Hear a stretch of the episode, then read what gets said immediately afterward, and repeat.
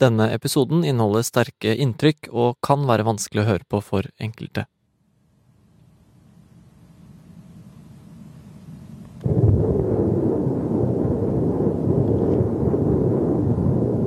Først kom Hamas-rakettene.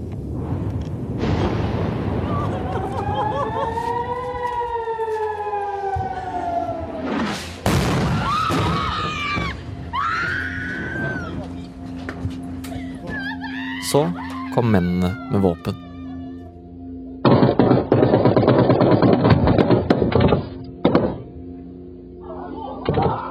Noen døgn senere kan vi se grusomme videoer av konsekvensene. I Israel ble hele familier utslettet. Barn ble drept og tatt som gisler. Er ikke det et lik? På lekeplassen. I Gaza blir barn dekket av støv, båret ut av ruinene etter Israels bombing. Drept av missilene som skal ta Hamas.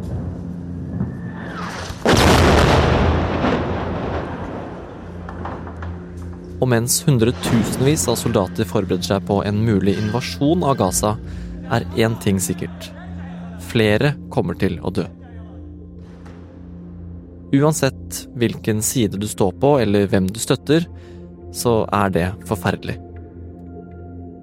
Men noen kan tjene på det. Hvem? Du hører på Forklart fra Aftenposten, hvor vi tar for oss én nyhetssak hver dag. I dag om hvem som har interesse av krigen, og hva de kan vinne på det. Det er fredag 13. oktober, og jeg heter David Vekoni.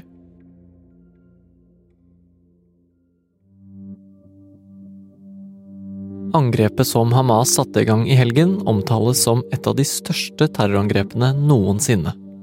Og selv om det tidligere ble klart at dette var noe helt annet enn tidligere angrep, så har det etter hvert som dagene har gått og israelske styrker har fått igjen mer kontroll, kommet flere detaljer om hva Hamas gjorde inne i Israel. Nå kjører vi inn i BRI, en av kibbutzene som ligger aller tettest på Gaza. Og på vei inn i denne bosetningen så ligger det hauger med døde kropper. Hamas-angripere som fortsatt ligger her eh, fem dager etter at angrepet, angrepet skjedde. Vår Midtøsten-korrespondent Hanne Christiansen og fotograf Jan Thomas Espedal er blitt tatt med av israelske soldater til en av kibbutzene, en slags liten landsby, som er blitt hardest rammet. Det er fullt av stridsvogner med kanonene rettet mot Gaza. Overalt er det rester av bilvrak, utbrente biler. Jeg er veldig spent på hva vi kommer til å få se når vi kommer inn i selve bosetningen her nå. Her er et fullstendig ødelagt hus. Det må være truffet av en rakett. Det er helt fullstendig raserte hus. Wow.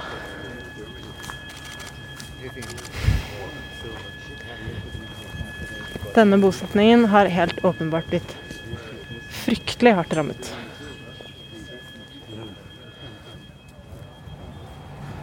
Det er et en kropp tildekket av hvit Pleier ligger hvit uh, likpose rett ved lekeplassen. Det er ganske utrolig. Her er det masse blod. Masse blod. Og en caps. Den lukten er så intens.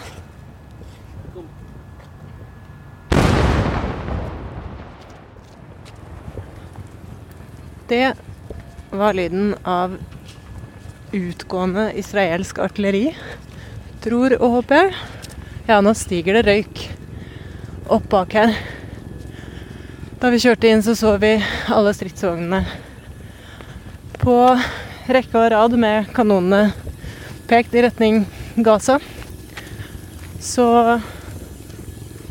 det er nok dit det skuddet gikk. Etter det brutale angrepet fra Hamas var det liten tvil om hva responsen fra Israel kom til å bli. Massiv bombing og en mulig bakkeinvasjon av Gaza, der Hamas har hatt kontroll siden 2007. Utenriksjournalist Tor Arne Andreassen har selv vært der.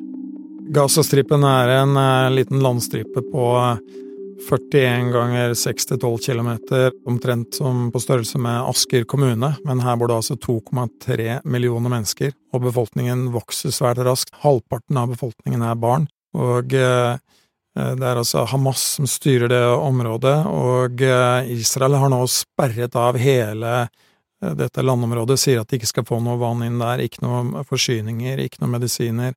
Ja, og nå har jo Egypt åpnet opp for å få inn forsyninger den veien, eh, men ingen slipper jo ut. Når det er helt stengt på alle kanter, hva gjør de på Gaza når eh, det begynner å falle bomber over hodene på dem? Eh, nå som Israel bomber Gaza for å treffe det de sier er Hamas-mål, så går det ut over sivilbefolkningen. Et par hundre tusen er allerede internt fordrevne, ifølge FN. De har nå søkt tilflukt på FN-skoler som er i området der.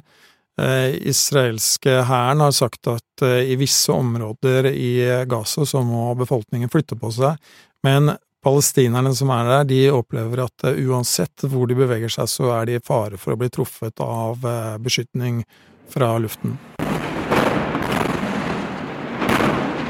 Den israelske hæren og luftforsvaret deres har jo noe av det mest moderne utstyret som finnes. Våpnene deres kan eh, treffe svært nøyaktig. Men det de også sier, er at Hamas har eh, sine eh, militære fasiliteter inne i sivile bygg, og dermed så blir de sivile byggene legitime mål, er det den israelske hæren sier i dag. Resultatet blir at veldig mange sivile palestinere fanget på Gaza blir drept.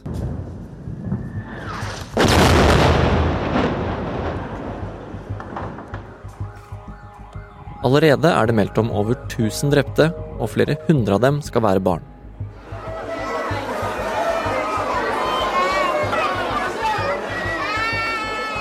Bildene som kommer ut fra Gaza nå, er vanskelig å se på.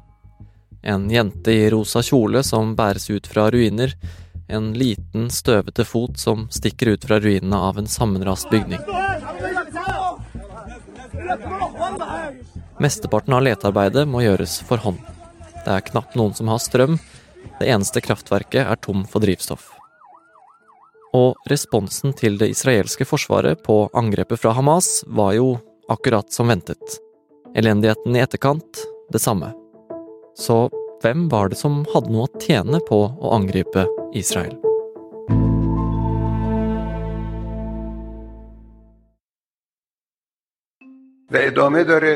En mann med langt, hvitt skjegg og sort hatt taler foran en stor paradeplass med oppstilte soldater.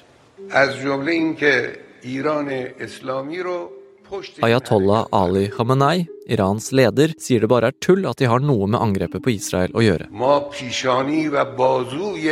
Men han sier også dette. Vi kysser pannen og hendene til de kloke mennene som planla angrepet, og de modige unge palestinerne. Vi er stolte av dem. Iran har lenge vært uh, den viktigste støttespilleren for Hamas. Uh, Iran har jo villet ha en uh, ressurs som de kan bruke mot sin hovedfiende, nemlig Israel. Og derfor så har de også forsynt Hamas med penger, utstyr, våpen, ikke minst raketter, da, som jevnlig er blitt skutt mot Israel. Iran har ikke vært alene om å ha et dårlig forhold til Israel. Mange i den arabiske verden har hatt dem som fiende, og det har vært flere kriger opp igjennom. Men de siste årene har flere arabiske land inngått avtaler med Israel for å dempe konfliktene.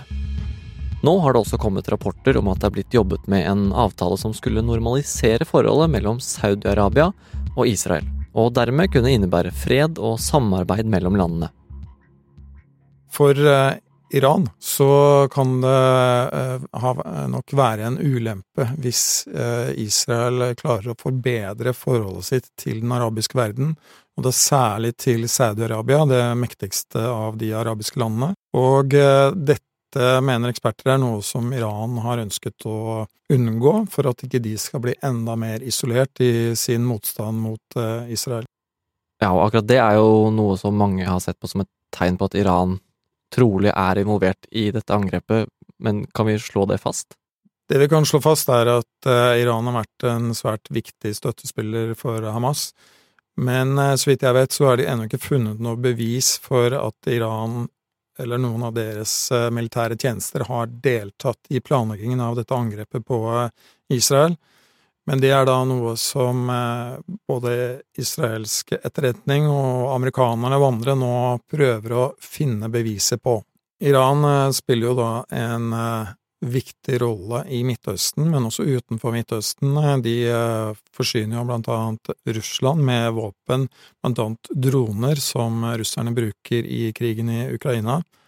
Og eh, spørsmålet er da om eh, det er også andre som kan tjene på at denne krigen i eh, Midtøsten eh, blusser opp.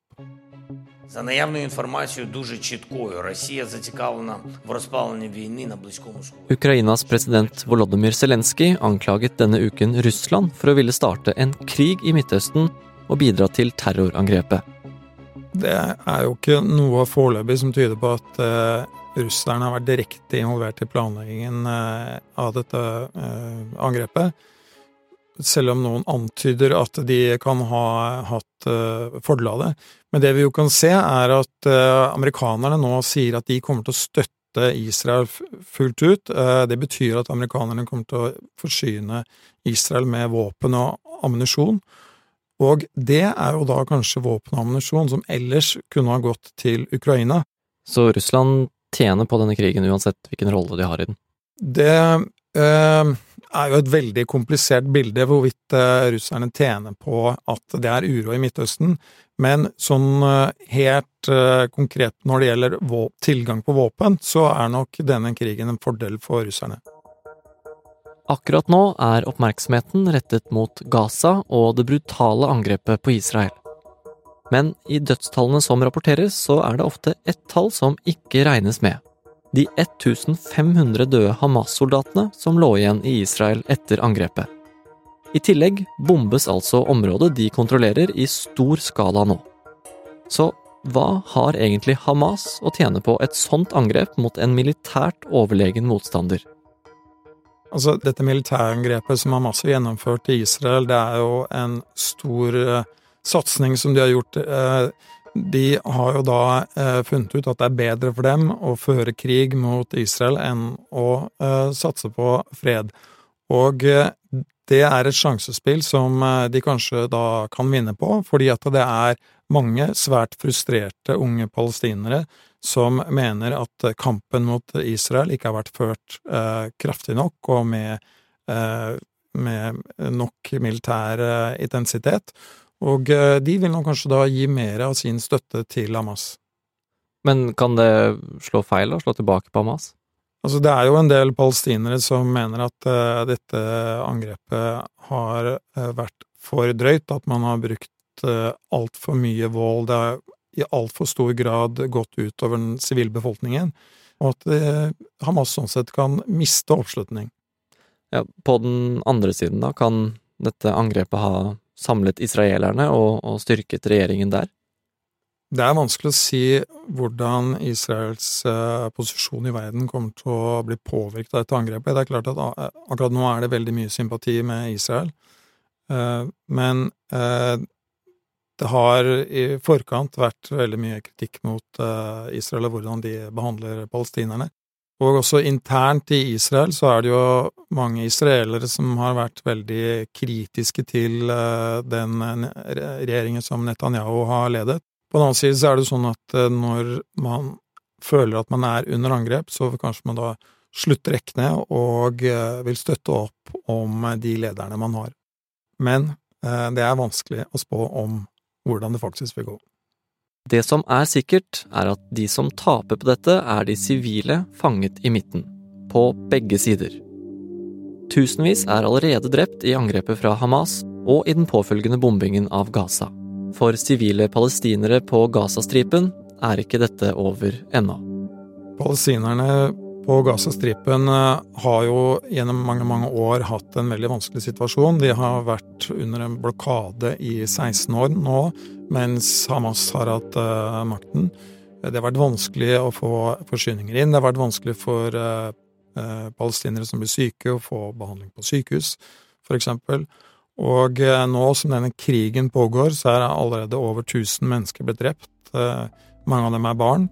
Og Eh, hvis det nå blir en eh, bakkeinvasjon, som eh, mange tror, så er det ganske sikkert at situasjonen blir mye, mye verre.